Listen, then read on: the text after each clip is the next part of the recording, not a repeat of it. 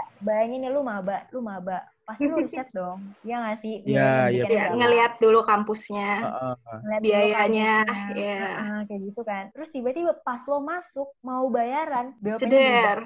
dinaikin. Nah, itu dia tuh.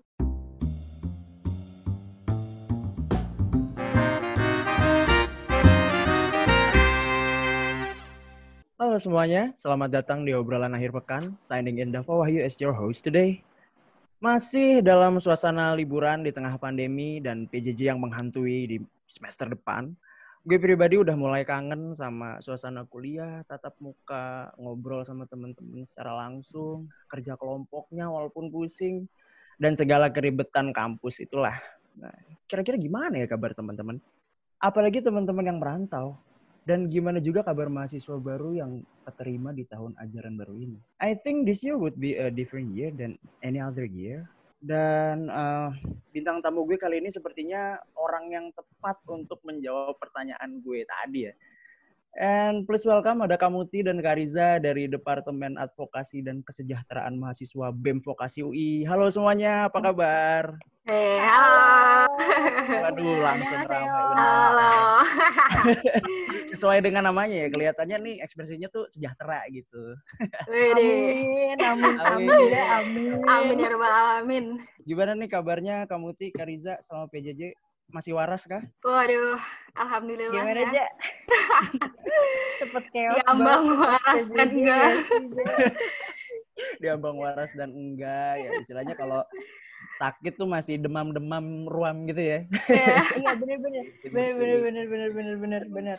Iya deh, sebelum bahas lebih dalam lagi, mungkin masih belum ada yang tahu nih tugas, tugas Departemen Advokasma itu apa sih? Oke, Hmm. gue dulu ya, Ja. Ntar Oke. eh, lo tambah-tambahin. Boleh. Jadi departemen departemen Adkesma kepanjangannya tadi udah disebutin ya sama Dava, Advokasi Mhm. Kesejahteraan Mahasiswa. Merupakan salah satu departemen yang berada di bawah bidang sosial politik yang bertanggung jawab mewadahi aspirasi mahasiswa, mengadvokasi permasalahan finansial, akademik, dan fasilitas serta uh, menjadi jembatan penghubung antara mahasiswa dengan para pemangku kepentingan dalam menyejahterakan sivitas vokasi UI. Uh, itu secara teorinya kayak gitu ya, tapi Hmm. sederhananya itu juga uh, jadi tempat curhatnya mahasiswa sih sebenarnya. tempat curhat ya Allah. Iya gitu kan, ya gimana ya maksudnya mereka kan ngasih tahu dia lagi kena kendala finansial atau kendala Hmm. akademik, Hmm, gitu benar. kan pasti dia ceritain kronologinya gimana gitu. Jadi ya iya. tempat curhat juga sebenarnya. Iya. Terus juga selain isu tadi, kita juga membawa uh, isu kekerasan seksual dan juga kesehatan mental Wow. Yang menjadi tanggung jawab dari Adkesma dalam mendampingi dan juga mengadvokasikan isu tersebut. Mungkin dari Hmm. teman-teman juga masih bingung kali ya, advokasi itu apa sih sebenarnya? Iya Hmm. nggak? Lu pada bingung nggak sih advokasi itu apa sih Karena- gitu? Karena luas banget, Luas, luas luas banget dan- Terus juga kompleks gitu. Uh-uh, dan uh, advokasi itu kaitannya sama hukum, ya kan? Advokat, Oh, oke. gitu, ya kan? Yang mau gue jelasin, advokasi itu nggak bakal ada tanpa vokasi. Anjay. Oh. Waduh. boleh, boleh, boleh, boleh, boleh. Baru gue temukan itu ya. Advokasi itu nggak bakal ada tanpa vokasi, gitu. Iya, iya benar. Jadi Iya. ad doang ke depannya. Jadi ad doang kalau nggak ada vokasi kan, makanya.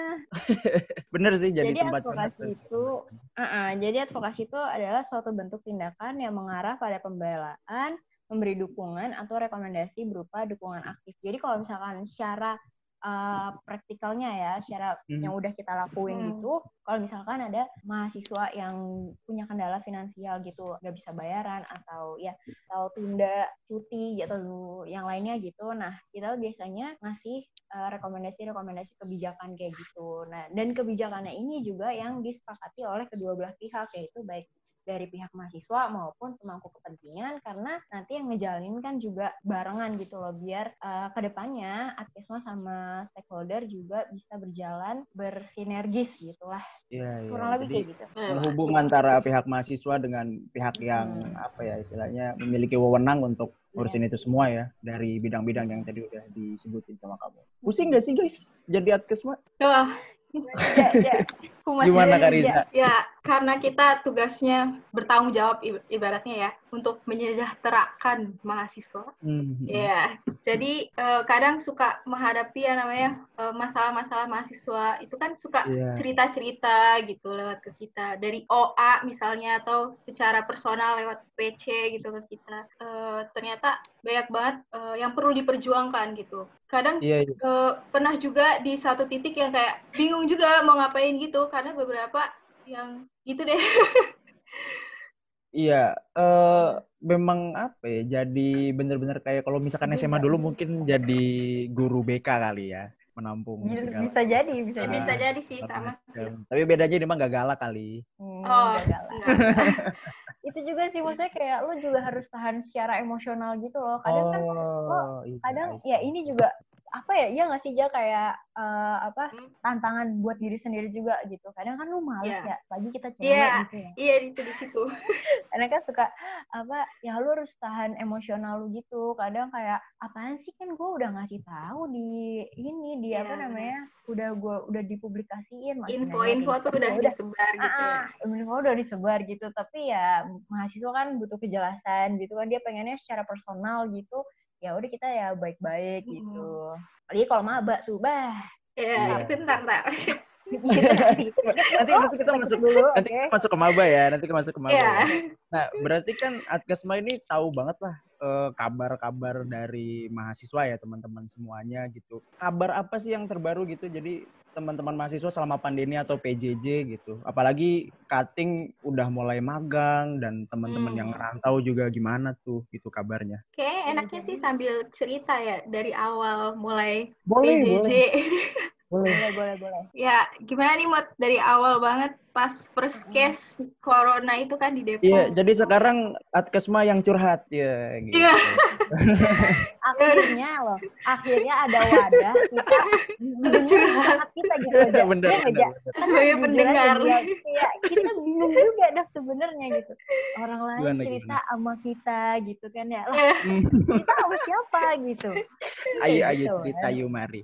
Nah, makanya itu cerita nih. Jadi kan uh, awal PJJ itu kan 16 Maret ya. 16 mm. Maret itu kita melakukan audiensi itu uh, kepada pihak kemahasiswaan vokasi terkait surat edaran yang dikeluarkan vokasi UI mengenai kewaspadaan dan pencegahan penularan COVID-19 di lingkungan vokasi UI sesuai dengan arahan dari surat edaran UI pada 13 Maret. Perkuliahan akan dilaksanakan secara daring memanfaatkan fasilitas e-learning system uh, atau emas UI dan platform penunjang lainnya hmm. uh, kayak gitu. Nah terus kalau sekarang ini kan lagi suasana ini ya registrasi administrasi ya. Iya betul. Mau ngingetin juga nih ya sekalian sama teman-teman nitip info juga uh, registrasi administrasinya juga jangan lupa dimulai dari 30 Agustus kemarin sampai 11 September dan yeah. juga untuk mahasiswa yang mengajukan cicilan itu ada update cicilan nih teman-teman. Jadi untuk cicilan pertama itu dimulai 30 Juli sampai 30 September, cicilan mm-hmm. kedua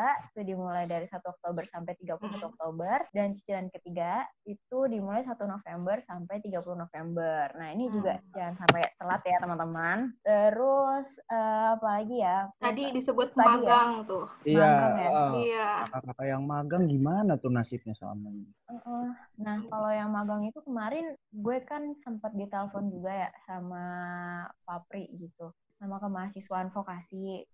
Uh, nah, menanyakanlah soal magang itu gimana. Nah, da, terutama untuk semester ini nih semester ganjil ya kan. Ganjil. Uh, hmm. Jadi ya beliau sih bilang kalau misalkan masih memungkinkan untuk WFH itu hmm. uh, di apa ya udah melakukan magangnya secara WFH gitu. Oh. Ya kalau uh, kalau kemarin itu buat mahasiswa yang 2017 tuh yang sekarang bentar lagi mau wisuda itu hmm. tuh mungkin itu bisa diimplementasikan ya kayak untuk jurusan komunikasi terus habis itu MRA akun Paris iya, iya, iya. administrasi ADM ADM Oh, karena salah satu contohnya ya kan kalau OT sama FT itu emang apa ya kalau nggak salah tuh udah magang duluan gitu sebelum waktunya hmm. oh. jadi kalau nggak salah dia semester 5 deh semester 5 atau semester 4 gitu udah magang iya. duluan yeah. gitu nah, nah tapi kalau untuk yang jurusan administrasi rumah sakit itu emang harus yang harus semester 6 gitu hmm. yang tahun 2017 kemarin dan itu harus magang di rumah sakit dong ya ya administrasi rumah sakit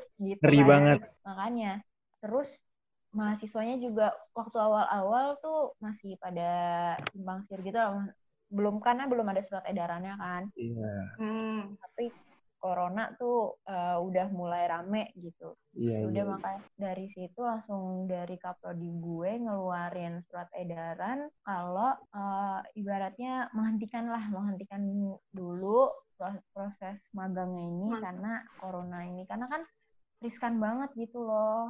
Betul. Terlalu beresiko. Orang pas taruh magang anak orang taruh magang di rumah sakit gitu. Iya benar banget. Tanggung jawabnya sih ya paham gue. Cuman hmm, sekarang kayak serba salah gitu mau hmm. uh, magang gimana tapi kalau magang resikonya gede. Iya. Yeah. kalau nggak magang lo juga. orang bingung sih. Iya. Uh. orang bingung. Iya makanya. Nah kayaknya kalau nggak salah tuh tugas tugas akhirnya tuh diganti atau gimana gitu oh. dari anak administrasi rumah sakitnya itu? Ya bisa dibilang itu sebuah keringanan gak sih ya dari kebijakan itu? Bisa atau malah iya sih bisa sih tambah ribet, tambah. Tapi jadinya ke depannya sih, Dev, ke depannya sih soalnya kan uh, eh, gue kan juga dari administrasi rumah sakit ya. Kita yeah. Kan jarang gitu loh, jarang tahu uh, apa namanya kerjaan di rumah sakit itu gimana. Jadi oh, kita iya. tahu itu ya pas magang. Nah nanti kalau misalnya kita berarti secara praktek lapangan ya praktek yang lapangannya.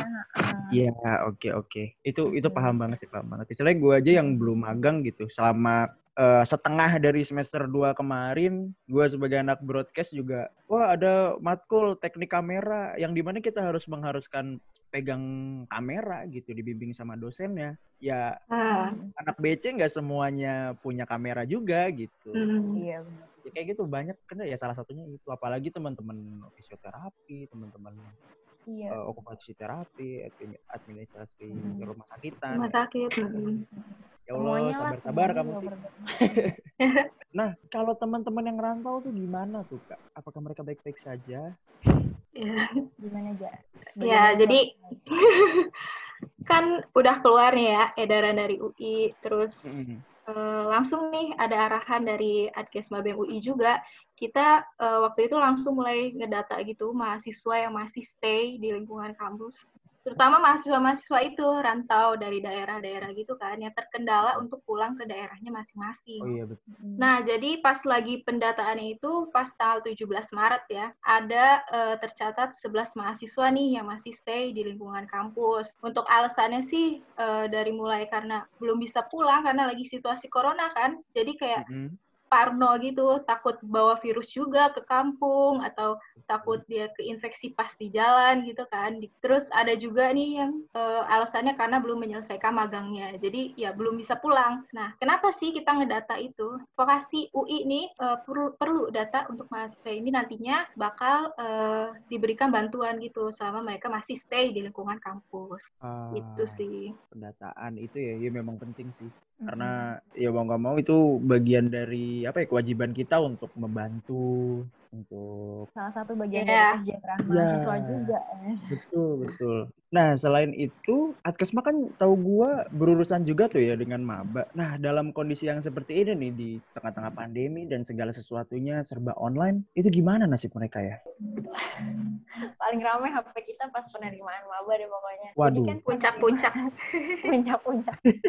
Keramaian dimulai Jadi kan penerimaan penerimaan hmm. maba vokasi jalur PPKB itu dimulai 13 April itu pengumumannya. Nah, itu kurang lebih ada 700 mahasiswa sampai sekarang yang udah terdata di Adkesma. 700.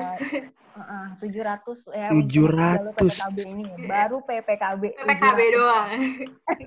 Jadi gila, nah. gue grup banyak aja stres ya ini dicatin 700 mahasiswa baru. Oke oke. Okay, okay. Banyak kan. Kita grup iya. maba itu tiga dua yeah. tahun gue. Allahu akbar.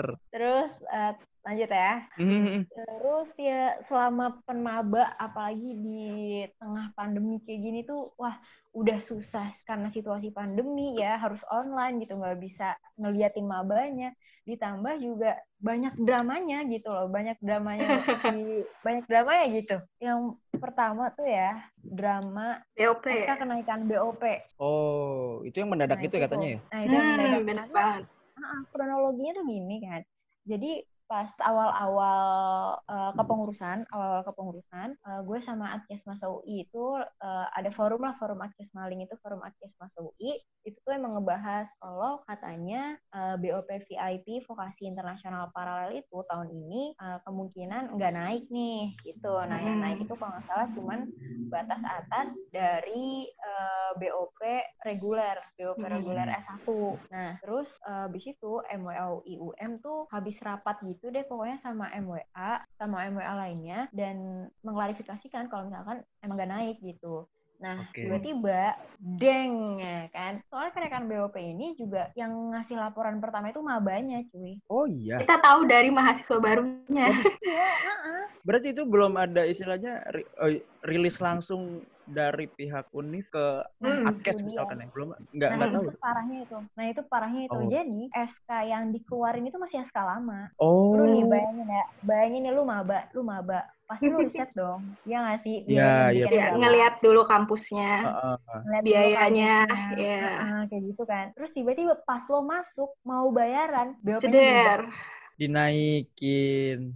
Nah itu dia tuh. Tuh apalagi lagi di tengah uh, situasi pandemi kayak pandemi. gini gitu loh. Uh -uh. Wah itu itu rame banget karena kenaikannya juga cukup gede sih menurut gue. Uh, iya, iya. Waktu lu masuk berapa, Vin? Eh, Dav? Uh, gue UKT pertama ya. UKT pertama tuh sembilan hmm. sama uang gedung bu sebelas setengah. Hmm. Nah sekarang emang berapa sih kan? BOP-nya Wah, naik sejuta. BOP-nya sepuluh juta.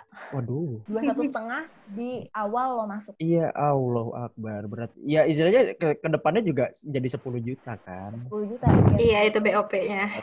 Garam mendadak itu sih yang gue nggak terima sebenarnya. Nah, itu dia makanya. Shock dan banget. ya itu juga menurut gue juga belum selesai aja ya iya ini malah apa namanya dari kenaikan BOP itu juga dari pihak rektorat juga belum ngasih ini keuangannya rincian keuangannya gitu. oh. gitu alasannya kenapa di kajiannya kenapa dinaikin juga juga hmm. belum tahu belum belum ada tuh tuh pertama BOP mm. Terus abis itu kendala ini tahun ini tuh nggak ada samaba, sahabat mahasiswa. Nah baru. ini dia. Oh nggak ada samaba itu yang suka hmm. sama ya dicet-cetin sama maba juga kan? Mm -mm, tapi kan itu dia langsung di bawah dari apa penerimaan PMBUI. Oh. Hmm, langsung dari UI iya, kalau iya, sama iya, iya. Nah tahun ini tuh nggak ada. Jadi emang informasi terpusat di Adkesma masing-masing fakultas dan UI gitu. Jadi uh, nambah beban kerja juga gitu selama pandemi. Bisa dibayangin lah. Pusing lagi, pusing Jadi, lagi. Uh -uh ah 700 mahasiswa loh. Gila nggak loh? 700 mahasiswa. Iya makanya ya ampun 700 mahasiswa di handle berapa orang tuh kak kalau boleh tahu? Uh, berapa mbak? narah hubungnya tiga Hah? Iya. Tiga tuh. Tiga doang. Iya. Berarti satu orang kurang lebih 200 anak ya? Iya. Kurang lebih. Kurang lebih. Ya. Kalau misalkan itu, timpang gimana nih? Dan itu selama kita lagi PJJ. Maksudnya lagi kuliah. Aduh, iya ya. Iya kan masih kuliah kan ya? Di, di sini ada CP-nya gak? Kariza atau Kamuti? Kita berdua CP-nya. Oh iya? Iya. Satu lagi staff gue yang megang Welma. Oh iya iya iya. Ini gue pengen nanya deh, ada pertanyaan yang aneh nggak? Ya, tahu sendirilah, namanya mahasiswa baru.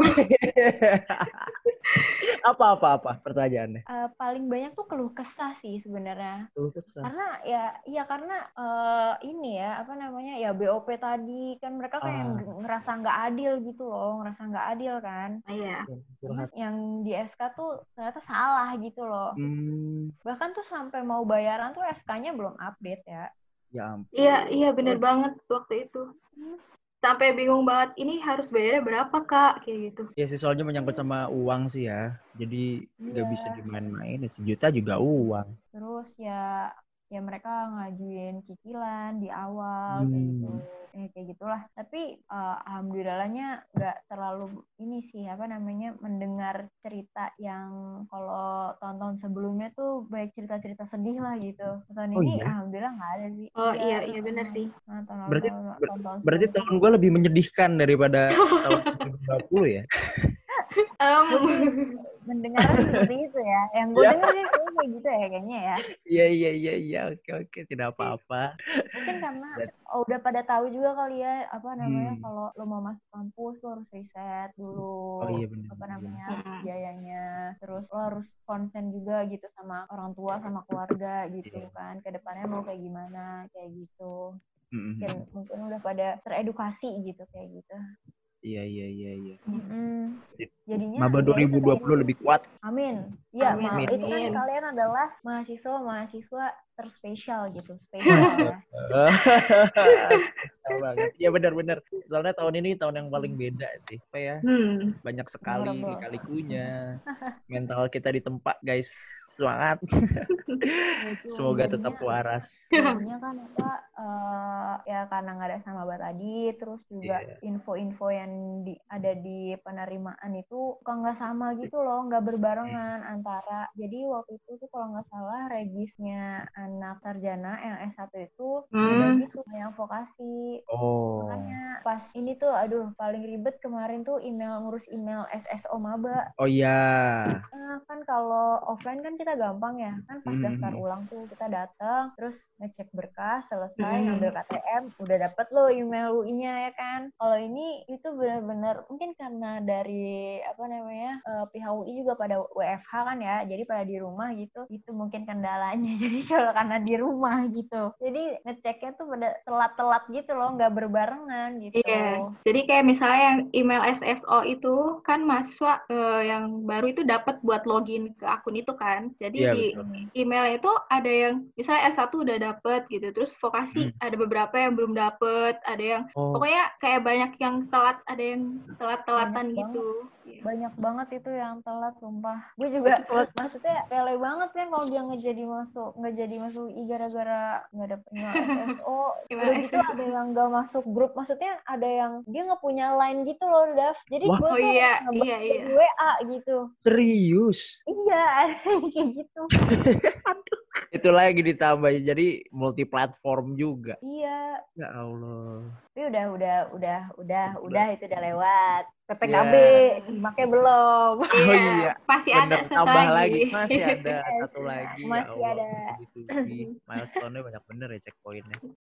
Nah kemarin nih guys, mungkin uh, Kak Muti sama Kariza tahu nih soal D4 itu kabarnya hmm. gimana juga ya? Bukannya kemarin sudah ada itunya di apa namanya postingannya di vokasi ya? Tapi sekarang yeah. kabarnya? Ini juga nih kendala pas uh, penerimaan mahasiswa baru ya. Mm -hmm. Jadi mm -hmm. uh, di SK terbaru itu, SK BOP terbaru itu juga udah dicantumin D4. Padahal hmm. SK D4-nya sendiri itu belum keluar. Oh. nah, nah, jadi kayak infografis tentang D, pembukaan D4 di vokasi itu baru apa ya, pengenalan lah gitu. Kayak pengenalan kalau hmm. uh, D4 nih mau dibuka loh di vokasi gitu. Apa aja jurusannya ini ini ini. Hmm. Pokoknya udah jelas banget kan di website vokasi juga udah dosen-dosennya juga keren-keren banget gitu. Gue aja sampai ngeliatnya yeah. kayak gila, yeah. beneran cuy, nama dia. Betul, yeah. betul. Banyak nama-nama besar. Nah, gitu. Pokoknya kaget lah pokoknya ya. Nah, di situ kan ada uh, pariwisata sama MRA, OT, FT tuh yang apa namanya yang jadi empat. Uh, salah satunya itu, salah empatnya itu. Jurusan itu tuh jurusan yang tadi itu kan udah keterima juga tuh di PPKB ya kan ada beberapa uh, yang mempermasalahkan jadi nggak sih kak D4-nya gitu. Terus apalagi yang OTFT tuh BOP-nya tuh gede banget di SK terbaru ya dan berat lah gitu mereka berat. Tapi ada juga maba yang kayak gue D4 kak gitu gue D4 kak nggak D3 gitu. Tapi gue D4 kak gitu. Jadi gue bayarnya yang mana kak? Kayak gitu. Itu juga ada yang kayak gitu oh berarti itu udah udah ada udah udah buka di pendaftaran gitu kak enggak enggak sebenarnya kan oh. uh, pendaftarannya masih D3 ya kan hmm. tapi yeah. karena ada info info dari vokasi pengenalan D4 itu jadinya oh. dan juga didukung sama keluar SKBOP terbaru tuh ada D4 yeah, gitu. yeah, padahal yeah, SK D4-nya sendiri kan belum keluar ya kan belum ada Oke oke, nah, salah tangkep lah ya, nah, Miss. Ah, gitu. Terus dia sampai nge-screenshot nih kak, buktinya prodi gue tuh udah D4 Empat gitu. ya. Hmm, ada yang kayak gitu. Terus karena simpang siur kan, D4-nya gimana nih jadinya gitu. Akhirnya yeah, yeah, yeah. BEM Vokasi, BEM UI sama MWUI UM itu melakukan audiensi penundaan D4 sama Direktur Vokasi dan uh, Warek Bidang Akademik dan Kemahasiswaan UI. Memperjelas lah gitu kenapa D4-nya itu gak jadi tahun ini gitu karena mm-hmm. Gue lihat vokasi juga udah mempersiapkan ya udah jelas lah ya udah jelas gitu mau dibawa uh, gimana D4-nya gitu Tapi kan masalahnya SK-nya ini belum keluar. Nah, ya dari hasil audiensi intinya ya karena situasi pandemi corona ini jadinya SK-nya itu tertunda gitu loh buat yeah. itu tertunda gitu. Karena emang harus tanda tangan asli gitu tanda tangan tulis gitu loh. Cat basah ya. Nah notula audiensinya tuh bisa dicek di bit.live slash notula audiensi d4 underscore 2 nah, tapi ini udah ada kabar barunya juga nih udah ada info terbaru ya. Yes, banget ini. ini. Baru keluar oven. Ini hmm, update sekali ya Atkesma ya. Kayak bahan-bahan bahan-bahan yang gak gosip juga sih ya ini. Hmm. Iya. Itulah. Gosip. UI juga lumayan lah kita mah tahu. Jadi uh, alhamdulillah udah ada kabar juga kalau SKD 4-nya ini udah turun Terbit. gitu. Jadi Alhamdulillah. Alhamdulillah. Jadi insya Allah kemungkinan tahun depan itu udah bisa ada di empat. Yeay. Ya. Tepuk tangan guys. Iya yeah, gitu.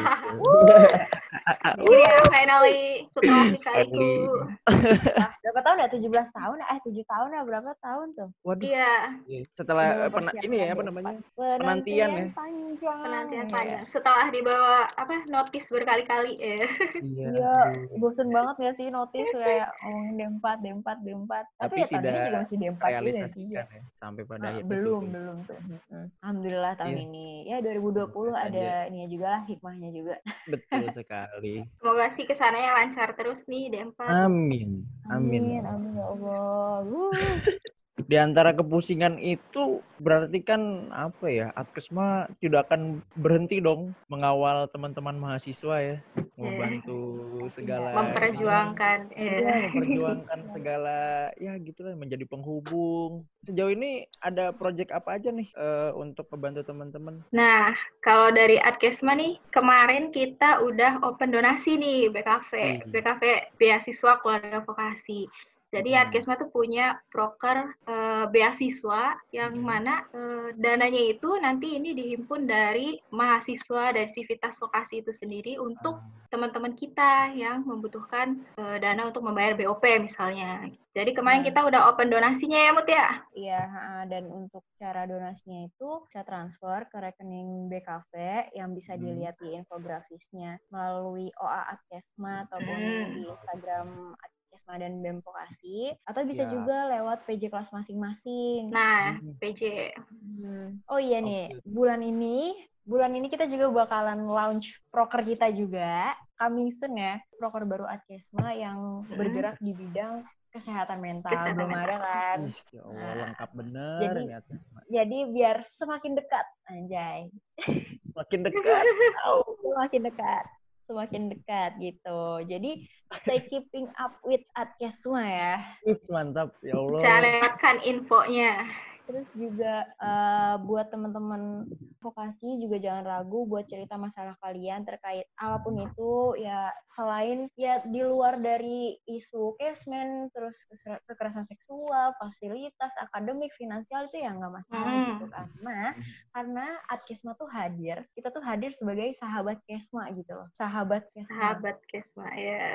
Uh, jadi kalian itu udah jadi sahabatnya kita gitu. Jadi udah udah jadi sahabat oh. Adkesma gitu. Karena kalau nggak ada kalian kita nggak bisa ngapa-ngapain pasti gitu. Iya iya. Apa ya menurut gue kayak Adkesma tuh kayak jantungnya BEM anja. Ini Putih sering banget nih. Ini keren. Ini halusnya, waduh ya Allah, terbang terbang. iya gitu deh pokoknya kayak jantungnya BEM aja gitu, yeah, iya, jantungnya yeah, yeah, yeah. jantungnya mahasiswa mm-hmm. di kampus ya. Ya. Guys, kalau cari cari pacar enak semua aja udah eh. curhat enak gitu. memperjuangkan segala hak-hak mahasiswa, apalagi hak-hak kita, hak-hak kamu, ya Allah. Paket lengkap bener, bener, bener, bener, bener, Paket boleh, lengkap. Boleh, gitu. boleh, boleh, boleh, boleh, boleh. Zaman gitu. Iya. Mungkin ada lagi yang kira-kira uh, teman-teman harus tahu tadi harus follow apa aja? Follow Instagramnya Instagramnya uh, di Vokasi at di Adkesma Vokasi Adkesma underscore Adkesma Bemfok UI Bemfok UI Oke. Terus, Terus OA-nya juga ada OA-nya juga.